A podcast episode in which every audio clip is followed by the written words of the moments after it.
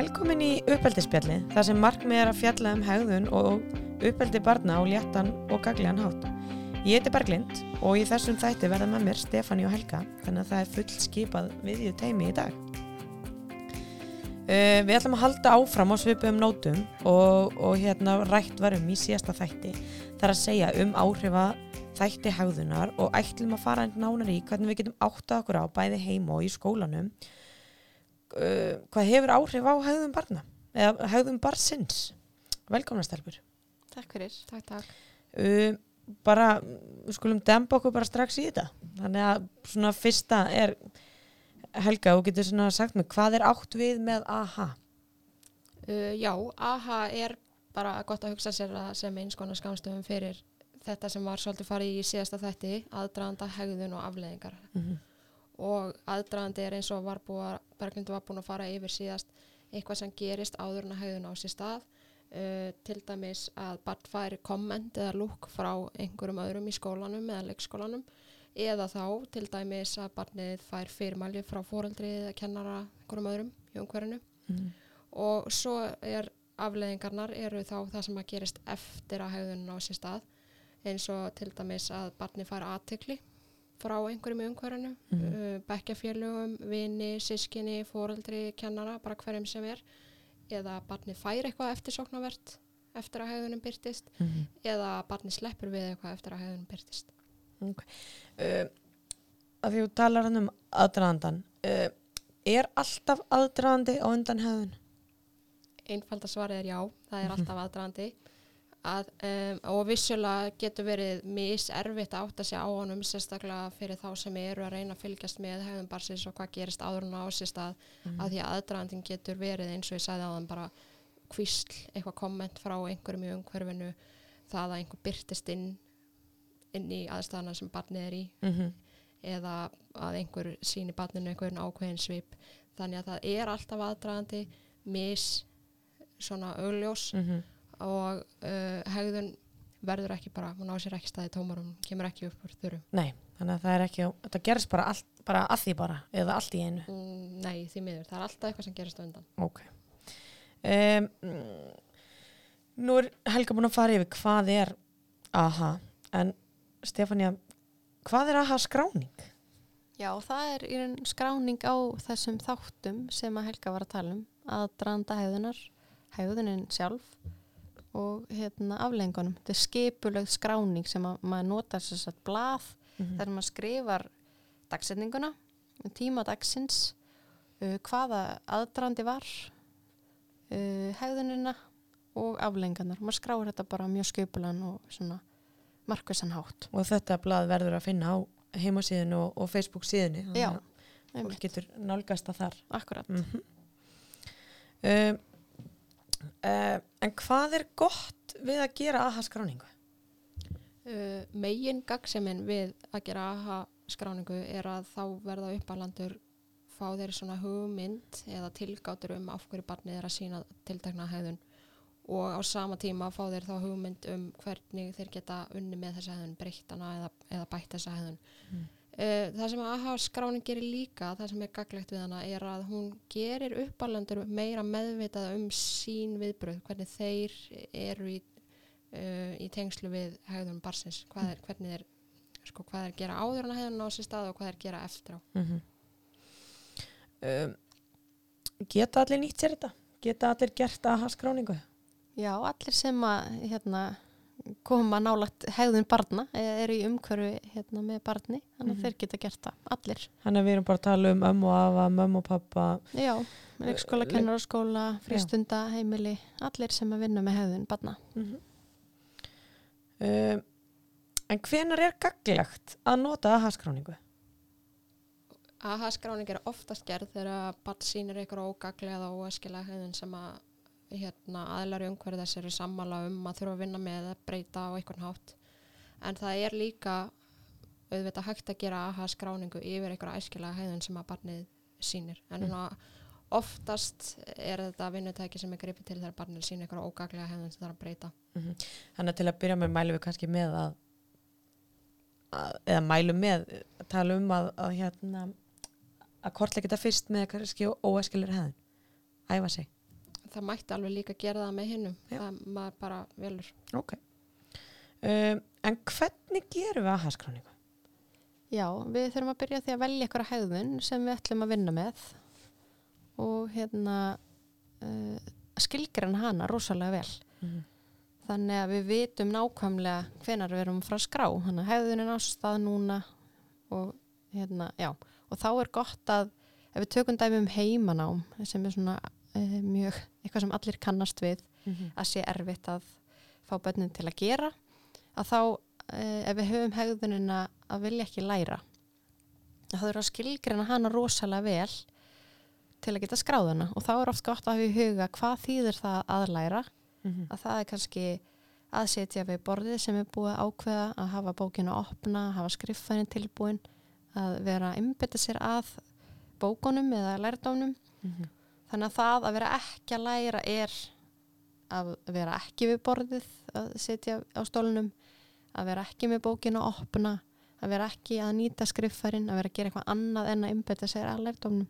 Mhm. Þetta er svona uh, gott að hafa skilgrinningu sem allir geta uh, notist við. Þannig að ef við ætlum líka að vinna með hefðununa í skólanum, að þá geta kennarar hérna, vita nákvæmlega hvernig hefðunin lítur út og ef að hérna, kennarinn verður veikur þá er aflýsingakennarinn sem veit nákvæmlega hvaða hegðun á viðum Mhm. þannig að það sé svona mjög já, markvist skráð Mhm. lýsing á hegðun Þannig að hver sem er getur komið inn í þetta. já, Já. akkurat Einmitt. Þannig að segjum að, að þessi á, hegðun á sér stað sem, vorum að, sem þú tókst dæmi um að barnið er ekki að læra. Hva, hvað ger ég? uh, þegar þú sér þessa hefðun Mhm. að barnið er ekki að læra þá hugsaðu, já, já, nú komið tími til að skrá Mm og þá byrjar á að hugsa hvað þarf að skrá í aðdraðanda og það er alltaf gott að hafa í huga að skrá meira en minna. Skrá hverjar eru aðstæðanar er þetta til dæmis í hvaða hérna, fæi er barnið? Í hvaða stof er það? Hérna, hvaða krakkar eru kringum það? Hjá hvaða barnið situr það? Og svo framvegis. Síðan myndum að skrá hva, hvernig gaf ég barninu til kynna um að það ætti að fara að læra sagði kennarinn hóp fyrirmæli yfir bekkin já já, allir að byrja að blæsuðu tvö kallaði fóreldri fram úr eldursinu fara nú að læra gunni minn. Mhm. og svo skrá maður nákvæmlega næst í hefðuna hvað ger barnið, hvernig bregst það við þegar að það fari þessi beinu og óbeinu fyrirmæli um að það eigi að fara að læra? -hmm. gera það ekki neitt, heldur það bara áfram að gera það sem var að gera, heldur áfram í tölvuleik eða heldur áfram að starra um gluggan í skólastofunni. Segir að nei, ég ætla að gera þetta, ég vil ekki gera þetta mér langar ekki til að gera þetta segir það, hérna, eða bara lemur það frá sér þannig að það er ímislegt sem barni getur gert það er að skrá það líka nákvæmlega og Mhm. næst er það afleðingarnar sem væri þá hvað gerist eftir að barnið gefur til kynna að það ætla ekki að læra með einum eða öðrum hætti uh, fer viðkomandi sem var að reyna að fá það til að læra í burtu uh, fær það eitthvað eftirsóknarvert Mhm. uh, uh, hérna uh, fær það að heyra að það má ekki fara út í kvöld eða má ekki fara meir í tölvuna það fyrir slögt á tölvuna það ætlar ekki að læra og svo framvegis og þarna myndum maður líka skrá ef barnið svo fer að læra þá myndum maður reyna að taka það fram í aflegungunum þannig að setna að þá sjáum maður ok, þetta gerðist og barnið fór að læra Mhm. Ok. En mm, eru börn þáttakandur í þessu ferli? Og geta, hvernig geta þau verið þáttakandur? Já, bönnin eru hérna, mikilvægstu hérna, aðilarnir í þessu ferli. Mm að þau sjálf búa yfir upplýsingum sem eru gríðarlega hérna, gaglar og bara fást ekki með neinum öðrum hætti. Þau geta sagt okkur af hverju við líkjum fara að læra, hvað er erfitt? Eh, hvað, hvort skilji ekki? Hvernig þeim líður? Eh, er eitthvað í skólastofunni sem veldur þeim áhyggjum eða heyra þau bara ekki nógu vel í fyrirmælunum eða skilji ekki hvað þau gera þannig að það er rosalega mikilvægt að tala um börnin og, og þegar við gerum það þá fáum við, hérna, fáum, fáum við þau meiri sammennu við okkur -hmm. að þá eru þau svolítið spenntari að, að vera með og, og fá að já, segja hvað þeim finnst og við þurfum bara sem uppalendur að vera rosalega forvitinn og, og hérna já, spyrja barnið bara Mhm. En hvernig getur maður spurt barnið þannig að það sé gaglegt? Þannig að þau gefa okkur þessa gaglegur upplýsingar sem þau eru með. uh, ég held að fyrsta sem að maður þarf að huga eins og Stefni var að segja er að vera forvitir um af hverju vill barnið ekki læra Mm -hmm. og maður hefur rosalega mikið áhuga á því að komast að því. Mm. Uh, ein leið er til dæmis að spyrja barnið hérna ef þú hefðir nokkrar óskir um þetta heimanám eða að læra þetta í skólanum hverju myndir þú vilja breyta, hverju myndir þú vilja hafa þetta og þá koma oft mjög gagleg svör sem er hægt að hafa áhrif á, þú veist, það er hægt að vinna með það upplýsingarna sem barni gefur það er líka hægt að spurja, er eitthvað sem að ég sem uppalandi, fóreldri, kennari get gert öðruvísi? Mhm. vilt að ég byggja þau öðruvísi? Vilt að ég gera það öðrum tíma? Eða er eitthvað sem ég get gert eftir á öðruvísi en ég hef verið að gera það? Myndir vilja fá tími í tölfunni eða eitthvað? Mhm. það, það er alls konar gaglegar upplýsingar sem koma frá barnin Mhm. Og það er mikilvægt að taka, hérna, við vitum alveg að svör barna geta verið rosalega ólík og bara mismunandi, að vera alltaf áhuga samur um svarið og bara í staðin fyrir að kannski gaggrína eða segja að það sé ekki hægt, bara ok, hvernig getum við, þú veist, gert það og hvað, segðum við meira frá þessu, bara reyna að grafa, grafa, grafa, Mhm. þanga til að við áttum okkar á því. Þegar börn eru kannski, er kannski erfitt með að segja nákvæmlega hvað, hvað þeim finnst eða hva, hvað þau eru að strakla við. Mhm. Þannig að við þurfum að reyna að grafa og spyrja, spyrja það til við finnum það og finnum út úr því. Já. En er eitthvað tími sem er betri að vera skrá heldur en eitthvað annar? Er eitthvað regla með það?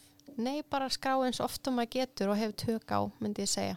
Mhm. Þannig að, já, bara ef þú getur skráð nokkru svona á dag, ef þetta er þannig hegðun þá gera það. En ef þú getur skráð einu svona á dag, þá bara, bara reyna að fá sem mest, mestar upplýsingar. Því meira því betra Já. en, Já,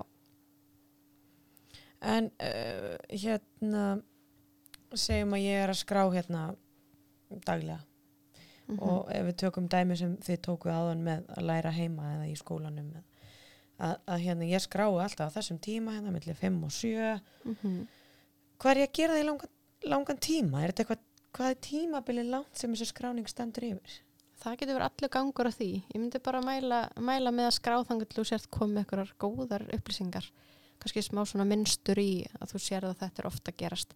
Þannig að það getur verið allt frá viku og upp í tvær, þrjár vikur eða, eða minna. Mm Mhm. Bara svona þegar þú sérð að þú ert komið með smá svona sín yfir, yfir það hvað hefur áhrif á hefðunina. mm -hmm.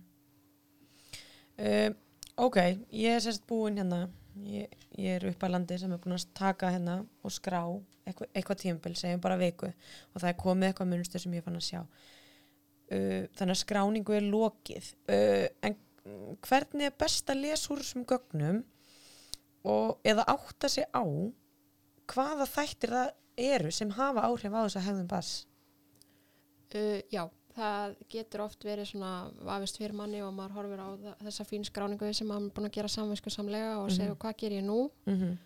Uh, það fyrsta sem að maður byrjar á að gera er að skoða bara dagsetninguna og hérna aðtuga var, var, var þessi hefðun að koma fram sér, sérstaklega okkur um ákveðnum dögum. Mhm. Dögum sem barnið er lengi í skólanum, í mörgum tómstundum, svaf ítla nótt en áður, hefur ekki borðað, er að fá eitthvað, þú veist, einhverju vinir að koma í heimisókn sem búið í útlöndum og svo framvegis. Mhm. Er eitthvað í tengslu við dagana sem að skipta máli? Mm Ef að þetta er hegðun sem að er að gerast oft á dag þá myndir maður skoða líka tímadags. Er þetta bara á kvöldin? Er þetta bara á bonnana? Er þetta bara í kringum þen, þetta þegar það er að fara að koma hérna að starffræði í skólanum eða Mhm. hvað það er? Uh, næst væri að skoða aðdragandan.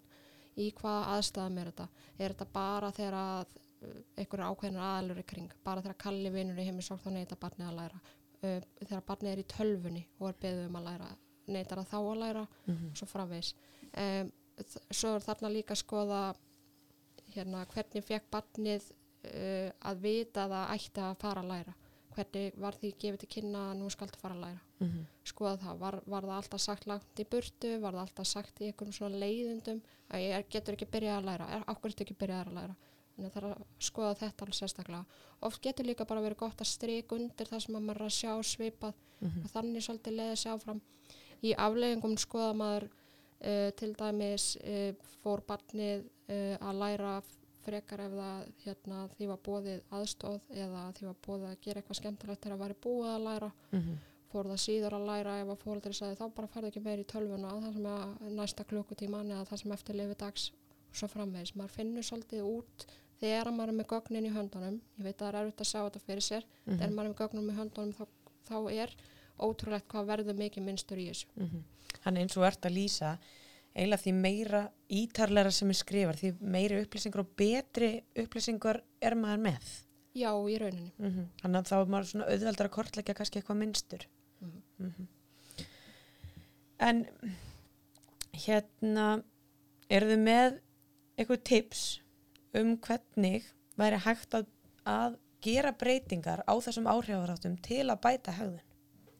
Já, ég held sér bara mikilvægt að uh, skoða gögnin svolítið vel, eins og Helga var að tala um, sjá hvað það er sem að er ofta að koma fram og geti haft áhrif.